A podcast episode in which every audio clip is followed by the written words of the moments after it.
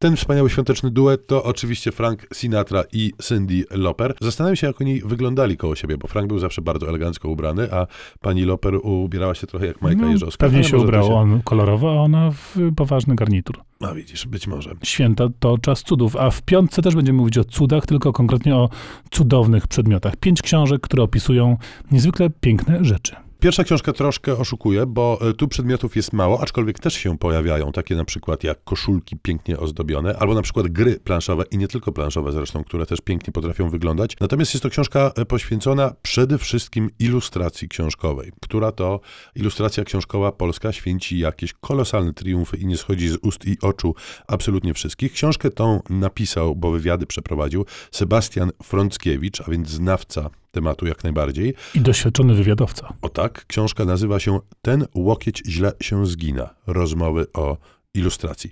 A wśród rozmówców same e, sławy, nazwiska e, takie jak Bajtlik, Bogucka, Butenko, Chmielewska, Kalwej, Cocha, Wilkoń i tak dalej, i tak dalej. Rzeczywiście creme de la creme. Bardzo jest e, sympatyczne w tej książce to, że pokoleniowo artyści zostali wymieszani. Państwo książki nie widzą, mam nadzieję, że wkrótce zobaczą. No, Ona też jest, jest. przepięknie e, wydana na eleganckim papierze, który ozdobiony jest ilustracjami właśnie.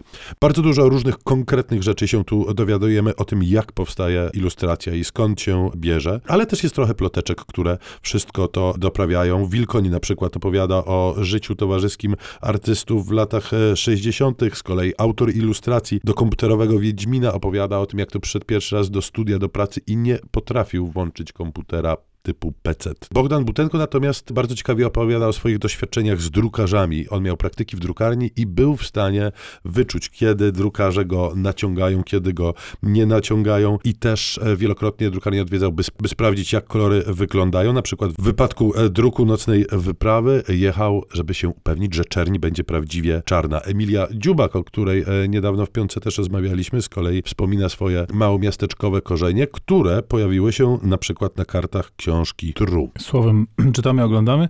Również bardzo ładnie, ale w taki bardzo prosty i skromny sposób prezentuje się druga książka. To już sprzed paru lat rzecz. Nazywa się Design i sztuka i autorem jest Bruno Munari. To jest Prosty, skromny, ale bardzo elegancki. Bardzo elegancka. Elegancja jest skromna, albo skromność jest elegancka, jak, jakby na to nie patrzeć. Jest to książka napisana przez tegoż pana Bruno Munariego, który był artystą, projektantem i jest to taki jakby zbiór jego krótkich tekstów, dość różnorodnych tematycznie, ale one wszystkie poświęcone są właśnie szeroko rozumianemu projektowaniu. Munari był jednym z tych, jednym z pierwszych, którzy mówili o tym, iż sztuka to nie tylko jest taka sztuka przez duże S i jeszcze większe Z, tylko rzeczywiście ona obecna jest wszędzie, w różnych aspektach życia. On sam, Hen, jeszcze w latach 30. zasunął swoimi bezużytecznymi maszynami, czyli takimi wiszącymi, delikatnymi kompozycjami, ni to rzeźba, ni to instalacja.